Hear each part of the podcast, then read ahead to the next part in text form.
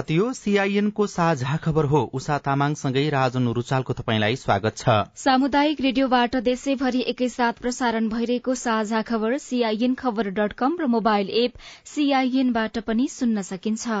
आज दुई हजार उनासी साल भदौ बाइस गते बुधबार सेप्टेम्बर सात तारीक सन् दुई हजार बाइस नेपाल सम्मत एघार सय बयालिस भाद्र शुक्ल पक्षको द्वादशी तिथि निजामती सेवा दिवस।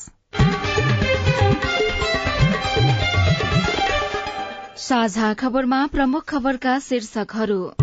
देशभर डेंगी फैलियो बहत्तर जिल्लामा संक्रमण पुष्टि परीक्षणमा मनलाग्दी शुल्क नियन्त्रणमा प्रभावकारी कदम चाल्न सरकारलाई मानव अधिकार आयोगको आग्रह। प्रतिनिधि सभा अब एघार दिन मात्रै सत्तापक्षकै विरोधपछि कार्यकाल लम्ब्याउने विषय संशोधन सहित विधेयक पारित सत्ता गठबन्धनले एक महिनामा पनि सीट बाँडफाँड टुंग्याउन सकेन। सम्पत्ति शुद्धिकरणको जोखिम अठारवटा ऐन संशोधन गरिँदै दशैंका लागि असोज एक गतेदेखि टिकट बुकिङ खुल्ने चौरी पालन व्यवसाय संकटमा सिन्धुपाल्चोकका हिमाली खरखरिँदै दक्षिण भारत स्थित बेंगलुरू जलमग्न हुँदा जनजीवन प्रभावित। आफ्नो देशमाथिको पश्चिमी प्रतिबन्ध नहटाएसम्म ग्यास सुचारू नहुने रूसको चेतावनी। एमनमा गोली हानाहान हुँदा सोह्र जनाको मृत्यु। र महिला साफ च्याम्पियनशीप फुटबलमा नेपालको विजय शुरूआत एसिया कप क्रिकेटमा श्रीलंकाले भारतलाई छ विकेटले हरायो।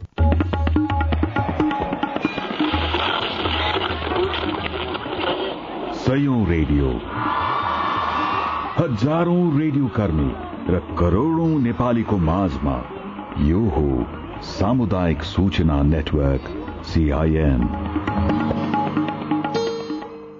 साझा खबरको सबैभन्दा शुरूमा देशभर फैलिएको डेंगीको प्रसंग देशभर सतहत्तर मध्ये बहत्तर जिल्लामा डेंगू संक्रमण फैलिएको छ। डेंगी संक्रमण बढ़दै गएपछि इपिडिमियोलोजी तथा रोग नियन्त्रण महाशाखाको सहकार्यमा उपत्यकामा लामखुट्टे खोज र नष्ट गर अभियान चलाइएको छ। महाशाखाको पछिल्लो तथ्याङ्क अनुसार देशभर डेंगीबाट संक्रमित तीनजनाको मृत्यु भएको छ। यद्यपि स्वास्थ्य मन्त्रालयका अधिकारीले भने ठोस तथ्याङ्क अझै आइ नसकेको बताएका छन्। हालसम्म बागमती लुम्बिनी र प्रदेश एकमा डेंगी संक्रमण सबैभन्दा बढ़ी देखिएको स्वास्थ्य मन्त्रालयका प्रवक्ता डाक्टर संजय कुमार ठाकुरले बताउनुभयो।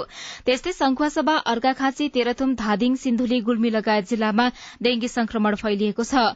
यो सँगै उपत्यकाका अस्पतालमा ज्वरो सहितका लक्षण भएका बिरामीको चाप बढ़ेको छ। गएको बिहिबार मात्रै दश नगरपालिका प्रमुखसँग अन्तर्क्रिया गरेर नियन्त्रण उपाय विषयमा छलफल गरिएको डाक्टर ठाकुरले बताउनुभयो। उहाँका अनुसार डेंगी नियन्त्रणका लागि स्थानीय तहमा दुई करोड़ पैंतिस लाख विनियोजन गरिएको छ। बिहिबारबाट उपत्यकाका जिल्लाका तीनै जिल्लामा डेंगी नियन्त्रण अभियान अन्तर्गत घर घर गएर सचेतना अपनाउने र पानी जम्ने ठाउँ सरसफाई र खाल्डो पुर्ने कार्य अघि बढ़ाउन लागि छ। महाशाखाका अनुसार बागमती प्रदेशमा मात्रै चार हजार छ सय सड़चालिस जनामा संक्रमण देखिएको छ। डेंगी परीक्षणका नाममा प्रयोगशालाहरूले चार गुणासम्म बढ़ी शुल्क असुलिरहेको पाइएको छ। केही निजी प्रयोगशालाले फेसबुक लगायत सामाजिक सञ्जालमा बाह्र सय वा त्योभन्दा बढ़ी शुल्कमा परीक्षण हुने भन्दै प्रचार गरिरहेका छन् भने नाम चलेकै प्रयोगशालाले पनि आठ सय रूपियाँसम्म लिने गरेका छन्। राष्ट्रिय जनस्वास्थ्य प्रयोगशालाका एकजना अधिकारीका अनुसार परीक्षण किटको मूल्य र खर्च जोड्दा चार सय रूपियाँसम्म डेंगीको परीक्षण गर्न सकिन्छ। निजी क्षेत्रबाट संचालित राजधानीको एउटा प्रयोगशालाका कर्मचारी पनि परीक्षण किटलाई बढ़ीमा तीन सय रूपियाँ पर्ने बताउँछन् तर सरकारी प्रयोगशालाले समेत चर्को शुल्क लिइरहेका छन्। राष्ट्रिय जनस्वास्थ्य प्रयोगशालामा डेंगू परीक्षणको शुल्क आठ सय रूपियाँ तोकिएको छ। आफन्तको परीक्षण र उपचार गराउन टेकु पुग्नुभएका सन्तोष कुमारले महँगो शुल्क तिर्नु परेको गुनासो गर्नुभयो। राष्ट्रिय जनस्वास्थ्य प्रयोगशालाका निर्देशक डाक्टर रूना झाले किटको परल मूल्य नै बढ़ी परेको भन्दै परीक्षण शुल्क आठ सय रूपियाँ लिने गरेको बताउनुभयो। डेंगी उपचारका लागि सबैभन्दा बढ़ी बिरामी पुग्ने शुक्रराज ट्रपिकल तथा सरूवा अस्पताल टेकुमा भने परीक्षण शुल्क पाँच सय तोकिएको छ। विज्ञहरू परीक्षणलाई निशुल्क गरेर व्यापक बनाइए मात्र डेंगी चाँडै नियन्त्रणमा आउने बताउँछन्। स्वास्थ्य मन्त्रालयका प्रवक्ता डाक्टर संजय कुमार ठाकुर निजी प्रयोगशालाले परीक्षण शुल्क बाह्र सयसम्म लिनु गलत भएको बताउनुहुन्छ। कोरोना महामारीका बेला पनि केही ल्याब र अस्पतालले पीसीआर परीक्षण शुल्क चार गुणासम्म बढ़ी लिएका थिए। पछि सरकारले नै शुल्क निर्धारण गरेपछि परीक्षण सहज बनेको थियो।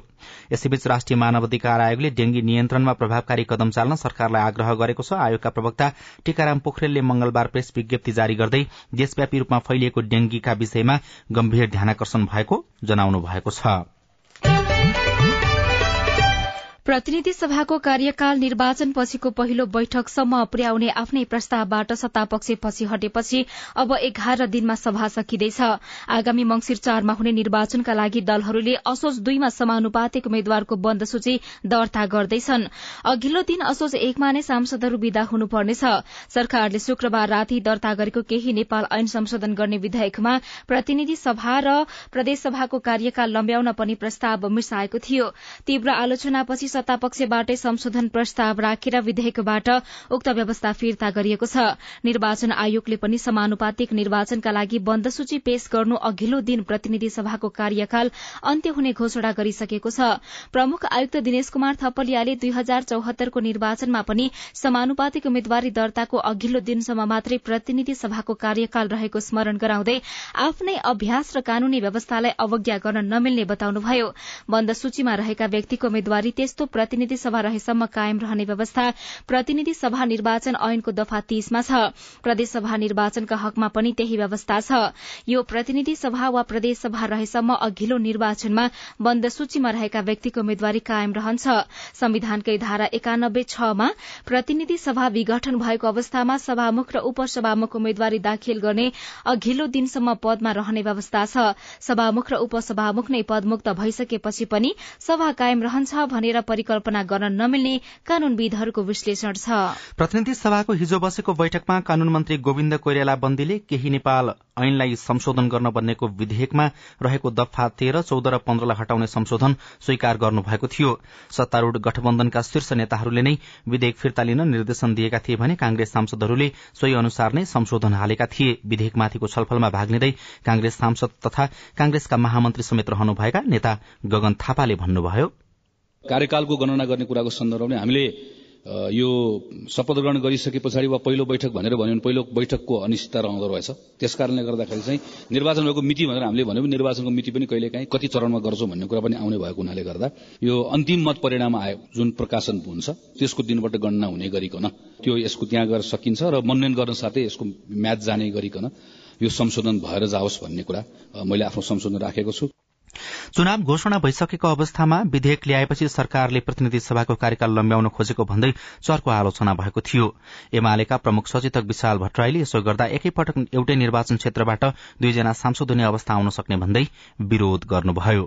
जनताले एउटै निर्वाचन क्षेत्रमा दुईटा सांसद एकैचोटि देख्ने अवसर हुन्छ। यस्तो खालको विरोधाभासपूर्ण कुरा कसरी परिकल्पना गर्छ यो सरकार? कसरी कानून मन्त्रीज्यूले यो परिकल्पना गर्नुभयो?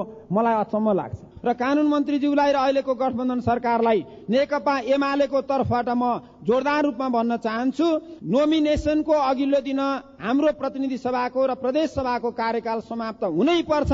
दुई दिन भए पनि लम्ब्याएर अरू कुनै हरकत गर्नु तपाईँहरूले चाहनु भएको छ भने नेकपा एमाले त्यसको विपक्षमा छ र हामी अनिवार्य रूपमा त्यसलाई रोक्न चाहन्छौ। कारागार विधेयक दुई हजार छयत्तर राष्ट्रिय सभाबाट पारित भएको छ। हिजो बसेको राष्ट्रिय सभा बैठकले प्रतिनिधि सभाबाट सन्देश सहित प्राप्त भएको कारागार विधेयक दुई हजार उनासी पारित गरेको हो। बैठकमा विधेयकमाथि छलफलको क्रममा उठेका प्रश्नहरूको जवाब दिँदै गृहमन्त्री बालकृष्ण खाँडले पचास प्रतिशत कैद भुक्तान गरिसकेका र आचरण व्यवहार सुधारेका कैदीको कैद मिनाहा गर्ने पक्षमा सरकार रहेको बताउनुभयो। वहाँले कारागारमा पनि संरचनाले धान्ने भन्दा बढ़ी बन्दी रहेको उल्लेख गर्दै आचरण सुधारेकालाई बाहिर निकाल्न पाए कारागारमा सहजता हुने धारणा राख्नुभयो। जन्मकैदको सजाय तेजाब आक्रमण जबरजस्ती करणी मानव बेचबिखन भ्रष्टाचार अपहरण लागू औषधको ओसार पसार सम्पत्ति शुद्धिकरण संगठित अपराध लगायतका बीसवटा भन्दा बढ़ी प्रकारको मुद्दामा भने कैद मिनाहा गर्न नमिल्ने स्पष्ट पार्नुभयो। यो विधेयकलाई प्रतिनिधि सभाले यसअघि नै पारित गरिसकेको छ। चार मंगिरको निर्वाचनका लागि समानुपातिक तर्फको बन्द सूची पेश गर्न दश दिन मात्रै बाँकी छँदा पाँच दलीय गठबन्धनले सीट बाँडफाँडको टुंगो लगाउन सकेको छैन। सीट बाँडफाँड सम्बन्धी कार्यदलबाट टुंगो लाग्न नसक्दा दलहरूमाथि उम्मेद्वारको टुंगो लगाउन दबाव बढ़ेको छ। बीस साउनमा कांग्रेस नेता कृष्ण प्रसाद सिटौलाको संयोजकत्वमा एघार सदस्यीय कार्यदल गठन भएको थियो तर एक महिनाको अवधिमा पनि दलले लिने सीट संख्याको टुंगो लाग्न सकेको छैन। यसबीचमा कार्यदल र शीर्ष तहमा सोह्र पटकसम्म बैठक बसेका थिए। एक भदौसम्म कार्यदलका तीनवटा बैठक बसेका थिए। तेस्रो बैठकबाट नै कार्यदलबाट यो विषय टुङ्गो लाग्ने अवस्था नरहेपछि शीर्ष तहमा पुगेको थियो। पछिल्लो समय कार्यदल र शीर्ष दलका शीर्ष तहका संयुक्त र छुट्टा छुट्टै बैठक बसिरहेका छन्।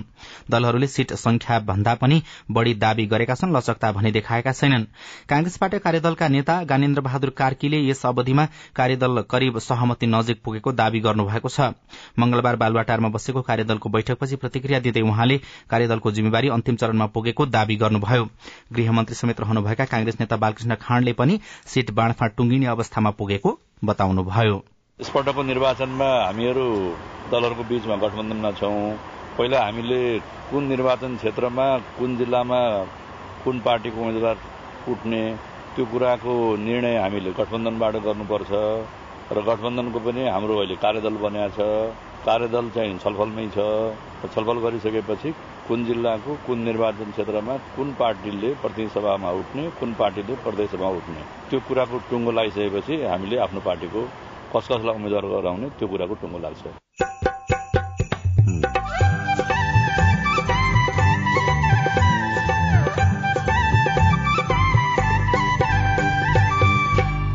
सामुदायिक सूचना नेटवर्क सीआईएन मार्फत देशभरि प्रसारण भइरहेको साझा खबरमा सरकारको घोषणा अनुसार दृष्टिविहीनहरूले क वर्गको अपाङ्गता परिचय पत्र पाएनन्। स्थानीय तहमा सोद्धाखेरि अहिले कुनै पनि जानकारी आएको छैन भनिरहेको छ। यो किन ढिलो भइरहेको छ? दशैंका लागि असोज एक गतेदेखि टिकट बुकिङ खुल्ने चौरी पालन व्यवसाय संकटमा सिन्धुपाल्चोकका हिमाली खर्क रित्तै लगायतका खबर बाँकी नै छन्। सीआईएनको साझा खबर सुन्दै गर्नुहोला।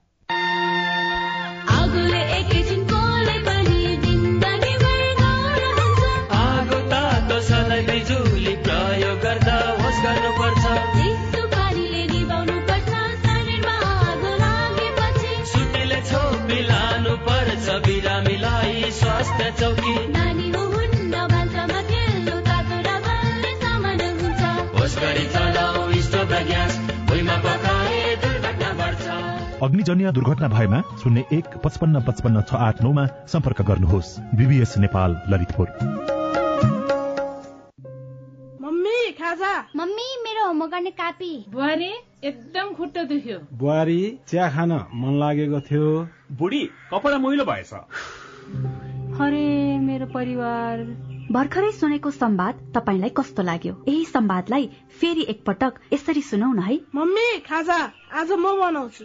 मिठो बनाउँछु है। मम्मी मेरो होमवर्क गर्ने कापी मैले खोजिसके। अब म होमवर्क गर्छु। बुहारी एकदम खुट्टा दुख्यो। छोराले तेल ताताएर लगाइदिएपछि अलि आराम भयो। बुहारी चिया खान मन लागेको थियो। सबैको लागि बनाएको छु। आऊ सबैजना खान। बुढी कपडा मैलो भएछ। घर नि कस्तो फोहोर। कपडा धोएर भ्याए। अब घर सफा गर्छु। कोरोनाको महामारीबाट बस्न पनि त सरसफाई जरुरी छ नि। आहा मेरो परिवार। तपाईँलाई दोस्रो संवाद कस्तो लाग्यो? पक्कै राम्रो लाग्यो। हो तपाईँ हामी बीच जिम्मेवारी बोध भयो भने एक अर्का बीचको निकटतालाई अझ राम्रो बनाउन सकिन्छ।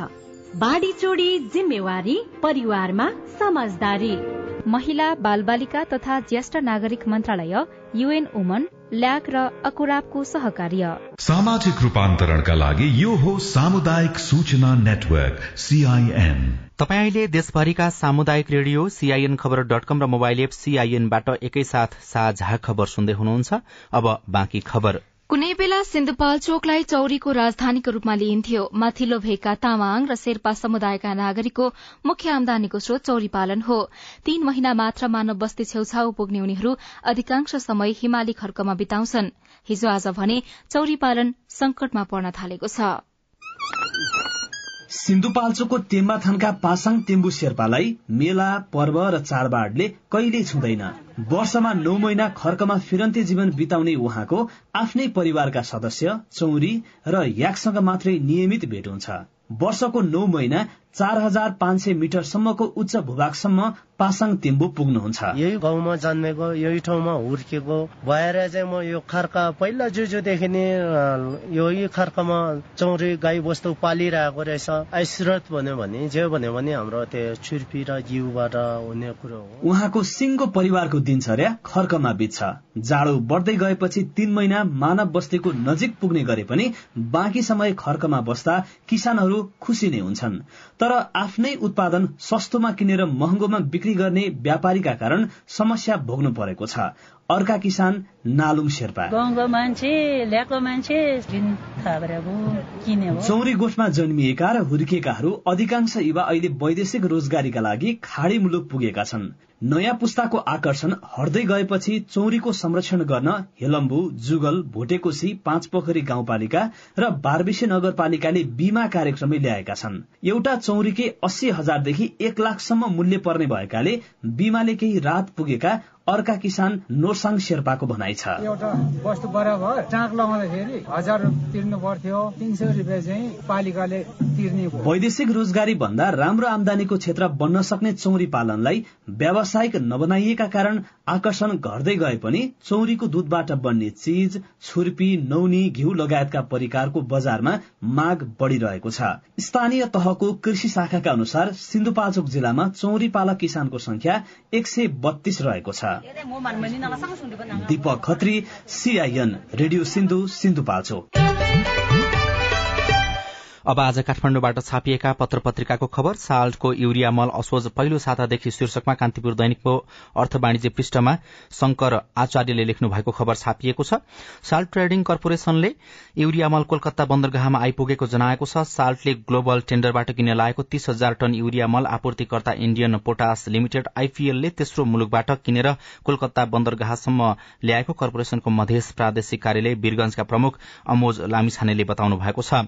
आइपीएलले उक्त मल हाल कोलकाता बन्दरगाहमा बोरामा प्याकिङ गरिरहेको र असोज पहिलो सातादेखि नेपाल आइपुग्ने सम्भावना रहेको उहाँले बताउनु भएको छ। आइपीएलले कुन मलबाट उक्त कुन मुलुकबाट उक्त मल खरिद गरेर ल्याइएको हो भन्ने विषयमा भने जानकारी प्राप्त नभएको उहाँले बताउनु भएको छ। त्यस्तै कान्तिपुर दैनिकमै असोज एक गतेदेखि दशैंको लागि टिकट बुकिङ खुल्दै गरेको खबर छापेको छ। यातायात व्यवसायीले दशैंको लागि असोज एक गतेबाट अग्रिम टिकट बुकिङ खोल्ने तयारी गरेका छन्। यसका लागि यातायात व्यवस्था विभागले बुधबार नेपाल यातायात व्यवसायी राष्ट्रिय महासंघ र ट्राफिक प्रहरी लगायत सरकारवाला निकायसँग छलफल गर्दैछ। असोज एक गतेबाट टिकट बुकिङ खोल्ने प्रस्ताव गरिने नेपाल यातायात व्यवसायी राष्ट्रिय महासंघका अध्यक्ष विजय स्वारले बताउनु भएको छ। नयाँ पत्रिका दैनिकमा पीपीए गरेर लगानी नजुटाएका पाँच आयोजनाको लाइसेन्स खोज्ने तयारी रहेको खबर छापिएको छ। यो खबरलाई मिलन विश्वकर्माले लेख्नु भएको हो। विद्युत खरिद बिक्री सम्झौता पीपीए गरेर पनि वित्तीय व्यवस्थापन गर्न तथा निर्माणमा शुरू गर्न नसकेका जलविद्युत आयोजनाको अनुमति पत्र नै रद्द गर्ने तयारी गरिएको छ। गत महिना मन्त्रालयका सहसचिव चिरञ्जीवी चटौतको संयोजकत्वमा बनेको कार्यदलले तयार गरेको प्रतिवेदनमा त्यस्ता आयोजनाको पीपीए रद्द गर्न सिफारिश गरेको हो। पीपीएसँगै सम्बन्धित आयोजनाको उत्पादन अनुमति पत्र र सर्वेक्षण लाइसेन्स समेत रद्द गर्नुपर्ने सिफारिश प्रतिवेदनले गरेको छ। प्रतिवेदनमा गरिएको सिफारिशलाई कार्यान्वयन गर्न र मन्त्रालयले गत शुक्रबार विद्युत विकास विभाग र नेपाल विद्युत प्राधिकरणलाई पत्राचार समेत गरिसकेको छ। अब त्यसमै टेकेर वित्तीय व्यवस्थापन तथा निर्माण गर्न नसकेका आयोजनाहरूको पीपीए तथा लाइसेन्स रद्द गर्न नसकेका आयोजनाहरूको पीपीए लाइसेन्स रद्द गरिने मन्त्रालयका प्रवक्ता तथा सहसचिव मधु प्रसाद भेटवालले बताउनुभयो। अन्नपूर्ण दैनिकमा सम्पत्ति शुद्धिकरणको जोखिम अठार ऐन संशोधन गरिँदै शीर्षकमा खबर छापिएको छ। यसलाई तुलसी सुवेदीले लेख्नु भएको हो। सम्पत्ति शुद्धिकरणको जोखिमबाट बच्न सरकारले अठारवटा ऐनमा संशोधन गर्ने भएको छ। केही नेपाल ऐनमा संशोधन विधेयक मार्फत सरकारले एकैपटक सम्पत्ति शुद्धिकरणसँग सम्बन्धित डेढ़ दर्जन कानून संशोधन गर्न लागेको हो। कानून मन्त्री गोविन्द शर्माले प्रतिनिधि सभा बैठकमा उक्त विधेयक प्रस्तुत गर्नुभएको छ तर संसदको कोरम नपुगेपछि बैठक स्थगित भएको थियो। अन्तर्राष्ट्रिय निकायले सम्पत्ति शुद्धिकरणका विषयमा मुलुकको अवस्थाबारे अनुगमन शुरू गरेसँगै सरकारले कानून संशोधन गर्न लागेको हो। फाइनेन्सियल एक्सन टास्क फोर्स र एसिया प्रशान्त समूहले नेपालको सम्पत्ति शुद्धिकरणबारे असारदेखि नै अडिट र मूल्याङ्कन शुरू गरेका छन्। यससँगै सरकार कानून संशोधन गर्न तातेको हो। एपीजीको टोलीले असोज छब्बीसदेखि उनातिस गतेसम्म नेपालको अनुगमन गर्नेछ। साझा खबरमा अब हेलो सीआईएन सुनिल राजभारतबाट। रुकुम पूर्व भूमि गाउँपालिका वडा नम्बर दुईबाट टेकबहादुर रोगा बोल्दैछु। दलितहरूले नागरिकताको थर परिवर्तन गरिरहेका छन्। अन्य जातिले त्यो नागरिकताको थर चेन्ज गर्न पाउँछ कि पाउँदैन कृपया बताइदिनु होला। जवाफ दिँदै हुनुहुन्छ जिल्ला प्रशासन कार्यालय रुकुम पूर्वका प्रमुख जिल्ला अधिकारी तुलाराज सुनवार। कानूनले कुनै पनि दलित जातिले आफू हीनता बोध भएको कारणले थर परिवर्तन गर्न चाहेमा गृह मन्त्रालयले परिपत्र गरेको छ सोही आधारमा दलित आयोगले सूचीकृत गरेका जति पनि जातिहरू छन् उनीहरूले परिवर्तन गर्न पाइन्छ। तर अरू अन्य जातिहरूले त्यसरी दलितले जसरी थर परिवर्तन गर्न पाइँदैन। नमस्ते म ललित साई। भेरी नगरपालिका जालकोट स्थित श्री विद्या माध्यमिक विद्यालयमा प्रश्न सुधारका लागि विद्यालय व्यवस्थापन समितिको निर्णय नगर शिक्षा समितिमा पठाएको एक वर्ष बित्दा पनि नगर शिक्षा समितिबाट कुनै प्रतिक्रिया आएको छैन। यस विषयमा जानकारी गराइदिए आभारी हुने थिए धन्यवाद। यस विषयमा हामीले भेरी नगरपालिकाका नगर प्रमुख चन्द्रप्रकाश घरतीलाई सोधेका छौं। अब नगर शिक्षा समितिको फाइलहरू हामीसँग सुरक्षित नै छन्। उहाँहरूले नगर शिक्षा शाखामा फेरि फलोअप गरेर शिक्षा हेर्ने नै कर्मचारी साथी भएको हुनाले उहाँलाई भेटेपछि ती फाइलहरू सुरक्षित छन्। फाइलमा भएको मागमा आधारित रहेर अझै हामी के गर्न सक्छौँ यो कार्यकालमा हामी गर्नेछौँ। सबिना श्रेष्ठ म चाहिँ धादिङ नीलकण्ठ नगरपालिका वडा नम्बर एघारबाट। अब हामीले चाहिँ कक्षा बाह्रको सर्टिफिकेट चाहिँ कहिलेसम्म प्राप्त गर्न सक्छौँ र त्यसको लागि के के प्रोसेस गर्नुपर्ने हो? तपाईँको जिज्ञासा समाधान गर्दै हुनुहुन्छ।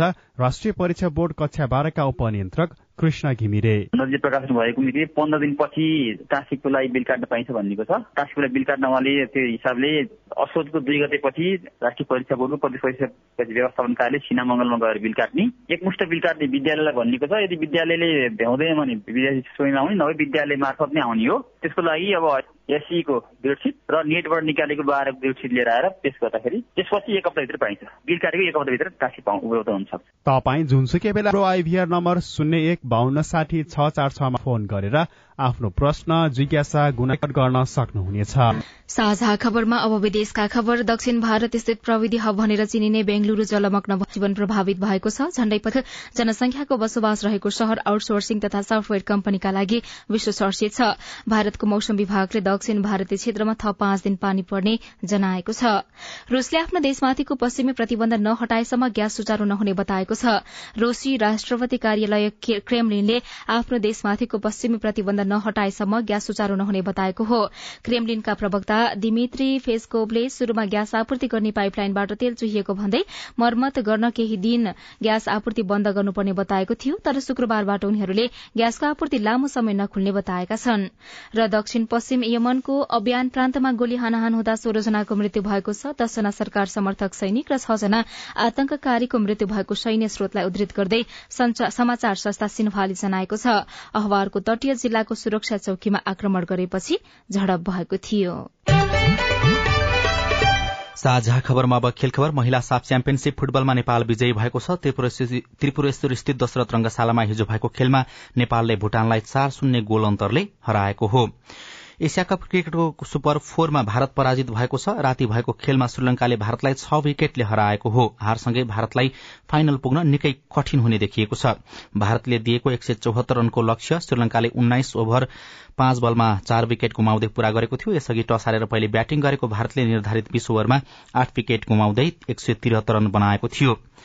यस्तै नेपाली राष्ट्रिय क्रिकेट टीमका कप्तान सन्दीप लामिछानेलाई नाबालिका जबरजस्तीकरणी गरेको आरोप लागेको छ। काठमाडौँको एउटा कलेजमा अध्ययनरत किशोरीले मंगलबार साँझ काठमाडौँ प्रहरीमा जाहेरी दिएकी छिन्। उनको उमेर अठार वर्षभन्दा कम रहेको प्रहरी स्रोतले बताएको छ। र च्याम्पियन्स लीग फुटबलमा चेल्सीले खराब शुरूआत गरेको छ। राति भएको खेलमा चेल्सी क्रोएसिया डिनामो जाब्रेकसँग एक शून्य गोल अन्तरले पराजित भएको हो। त्यस्तै अरू खेलहरूमा पीएससीले युभेन्टसलाई दुई एकले हराउँदा म्यान्चेस्टर सिटीले सेभिल्लालाई तार्नेले हराएको छ र अर्को खेलमा रियल मेड्रिडले सेल्टिकलाई तीन शून्य गोल अन्तरले पराजित गरेको छ। वर्गको अपाङ्गता परिचय पत्र नपाएको दृष्टिविहीनहरूको गुनासो रेडियो रिपोर्ट अरू खबर र कार्टुन पनि बाँकी नै छ। सीआईएनको साझा खबर सुन्दै गर्नुहोला। अब सबैको मुहारमा खुसी छाउने भयो। किनकि सस्तो राम्रो इन्टरनेटको सुविधा लिएर आयो। हजुर। दस एमबिपिएसदेखि सय एमबिपिएस स्पिडसम्मको आकर्षक प्याकेजहरू लिएर डिस होम फाइबर नेट तपाईँ हाम्रो माझ आएको छ। आउनुहोस् अब सुपर फास्ट इन्टरनेटको मजा लिनुहोस्। सेवा तथा सुविधाको लागि आजै नजिकको डिस होम डिलर दय अथवा अन्ठानब्बे शून्य पन्ध्र चौवालिस शून्य शून्य शून्यमा सम्पर्क गर्नुहोस्। डिस होम फाइबर नेट जोड्दै सारा देशलाई। सामाजिक रूपान्तरणका लागि यो हो सामुदायिक सूचना नेटवर्क सीआईएन साझा खबरमा अब दृष्टिविहीन नागरिकका कुरा। सरकारले चालू आर्थिक वर्षको लागि गरेको बजेट भाषणमा पूर्ण दृष्टिविहीनलाई अपाङ्गताको सूचीमा क वर्गमा लैजाने घोषणा गरेको थियो। यो घोषणापछि आफ्नो ओडा कार्यालयमा यसबारे जानकारी लिन पुग्नेहरू धेरै छन्। तर कार्यविधि नबन्दा देशभरका एक लाख बीस हजार दृष्टिविहीनले क वर्गको परिचय पत्र बनाउन सकिरहेका छैनन् भने सेवा सुविधाबाट समेत वञ्चित भएका छन्। गत जेठ पन्ध्र गते आर्थिक वर्ष दुई हजार उना अस्सी अस्सीको लागि बजेट भाषण गर्दै अर्थमन्त्री जनार्दन शर्माले पूर्ण दृष्टिविहीन भएका व्यक्तिलाई क वर्गको अपाङ्गता परिचय पत्र दिने घोषणा गर्नुभयो। पूर्ण दृष्टिविहीन भएका व्यक्तिहरूलाई पूर्ण अशक्त अपाङ्गता वर्गीकरण गरी क वर्गको अपाङ्गता परिचय पत्र दिने व्यवस्था मिलाइनेछ। क वर्गको परिचय पत्र पाउने व्यक्तिले मासिक तीन हजार नौ सय नब्बे रूपियाँ पाउँछन्। अर्थमन्त्रीको यो घोषणा सुनेपछि ताप्लेजुङका तेत्तीस वर्षका गीता लिम्बुको परिवार खुशी भएको छ। तीन वर्षको उमेरमा दृष्टि गुमाउनु भएका लिम्बु अहिले श्रीमान र एक सन्तानसँग पोखरामा बस्नुहुन्छ। दिनभरि अगरबत्ती बेचेर हिँड्ने यो दम्पति सरकारले घोषणा गरेको रकम पाए दैनिकी चलाउन केही सहज हुने बताउँछ। धेरै आश पनि लागेको छ। अब अलिकति केही हुन्छ होला सबै दिनुहुन्छ भने भनेको खै अहिलेसम्म खास दुई हजार अडसठी सालको जनगणना अनुसार नेपालमा झण्डै पञ्चानब्बे हजार दृष्टिविहीन छन् तर नेपाल नेत्रहीन महासंघ देशभर झण्डै दुई लाख दृष्टिविहीन रहेको दावी गर्छ। उनीहरू क वर्गको परिचय पत्र पर्खिरहेका छन्। जो स्थानीय तहमा सोद्धाखेरि अहिले कुनै पनि जानकारी आएको छैन भनिरहेको छ। यो किन ढिलो भइरहेको छ? अर्काको सहारामा बाँच्नु पर्ने दृष्टिहीनहरूले पाउने हो कि नपाउने हो? अपाङ्गता अधिकार सम्बन्धी ऐन दुई हजार चौरात्तर र नियमावली दुई हजार सतहत्तरले अपाङ्गता भएका व्यक्तिको वर्गीकरण गरेको छ। त्यस अनुसार अपाङ्गता परिचय पत्र वितरण सम्बन्धी कार्यविधि छ। यही कार्यविधि अनुसार स्थानीय पालिकाले परिचय पत्र वितरण गर्छ। त्यसैले बजेट वक्तव्यलाई कार्यान्वयन गर्नको लागि आवश्यक कार्यविधि बनाउन लागि परेको बताउनुहुन्छ। महिला बाल बालिका तथा समाज कल्याण मन्त्रालय अन्तर्गतको अपाङ्गता अधिकार प्रवर्धन शाखाका प्रमुख जमुना मिश्र। बजेट वक्तव्यले बोलेको कुरालाई कार्यान्वयन गर्न कानूनी संरचनामा जानुपर्छ कानूनी संरचनाहरूलाई संशोधन गर्नुपर्छ कार्यविधि होला ऐन होला नियावली होला हामीले संशोधन गर्नुपर्छ। त्यसको लागि मन्त्रालयले प्रक्रिया अगाडि बढाइसकेको छ। कार्यविधि बन्ने प्रक्रियामा रहेकाले यो कार्यान्वयनमा आउन अझै केही समय लाग्ने देखिन्छ जसले क वर्गको परिचय पत्र पाउने आशामा रहेका दृष्टिविहीनको पर्खाई लम्ब्याएको छ। सजना तिमल सिन्हा सीआईएन काठमाडौँ। रिपोर्टसँगै हामी साझा खबरको अन्त्यमा आइपुगेका छौं। सामुदायिक रेडियो प्रसारक संघद्वारा संचालित सीआईएनको बिहान छ बजेको साझा खबर सक्नु अघि मुख्य मुख्य खबर फेरि एकपटक। देशभर डेंगी फैलियो। बहत्तर जिल्लामा संक्रमण पुष्टि। परीक्षणमा मन लाग्दी शुल्क। नियन्त्रणमा प्रभावकारी कदम चाल्न सरकारलाई मानवाधिकार आयोगको आग्रह। प्रतिनिधि सभा अब एघार दिन मात्रै सत्तापक्षकै विरोधपछि कार्यकाल लम्ब्याउने विषय संशोधन सहित विधेयक पारित। सत्तारूढ़ गठबन्धनले एक महिनामा पनि सीट बाँडफाँड टुंग्याउन सकेन। सम्पत्ति शुद्धिकरणको जोखिम अठार ऐन संशोधन गरिँदै दशैंका लागि असोज एक गतेदेखि टिकट बुकिङ खुल्ने चौरीपालन व्यवसाय संकटमा सिन्धुपाल्चोकका हिमाली खर्क रित्दै दक्षिण भारत स्थित बेंगलुरू जलमग्न हुँदा जनजीवन प्रभावित आफ्नो देशमाथिको पश्चिमी प्रतिबन्ध नहटाएसम्म ग्यास सुचारू हुन नदिने रूसको चेतावनी। र महिला साफ च्याम्पियनशीप फुटबलमा नेपालको विजय शुरूआत एसिया कप क्रिकेटमा श्रीलंकाले भारतलाई छ विकेटले हरायो। साझा खबरको अन्त्यमा कार्टुन लिएका छौं राजधानी दैनिकबाट कुरी कुरी शीर्षकमा उत्तम नेपालले बनाउनु भएको यहाँ एकजना नेता जस्ता देखिने व्यक्ति पनि छन्। ती नेता जस्ता भन्दा पनि अलि बढ़ी चाहिँ यो डन जस्ता देखिने खालका व्यक्ति छन्। अगाडिपट्टि फाइल बोकेर बसेका एकजना व्यक्तिले केही सोधिरहेको जस्तो देखिन्छ। पछिल्लो समय दलहरूमा राजनैतिक दलहरूमा खास गरी विभिन्न माध्यमबाट पैसा कमाएका अलिकति चर्चामा आएका गुण्डागर्दी गर्ने मान्छेहरू हावी भएको भनेर व्याख्या विश्लेषण हुने गरेको छ। कतिपयले त्यसको विरोध पनि गर्ने गरेका छन्। त्यही कुरालाई व्यङ्ग्य गर्न खोजिएको छ र तल चाहिँ यस्तो लेखिएको छ। चुनावमा म उम्मेद्वार नभए त जिन्दगी गरे भ्रष्टाचार राजनीति बेकार हुँदैन भने हवस् त प्राविधिक साथी सुनिल राज भारतलाई धन्यवाद। अहिलेलाई राजन रुचाल र उषा तामाङ विदा भयो। तपाईँको आजको दिन शुभ होस्। नमस्कार। यसपछि देशभरिका सामुदायिक रेडियोबाट कार्यक्रम साझा पहल प्रसारण हुनेछ। सुन्ने प्रयास गर्नुहोला।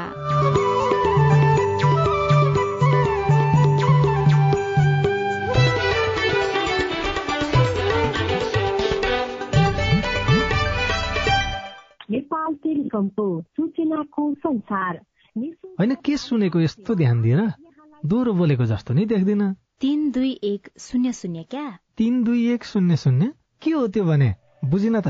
ल सुन एनटिसी प्रयोगकर्ताहरूले आफ्नो मोबाइल तथा ल्यान्डलाइनमा तीन दुई एक शून्य शून्य डायल गरी समाचार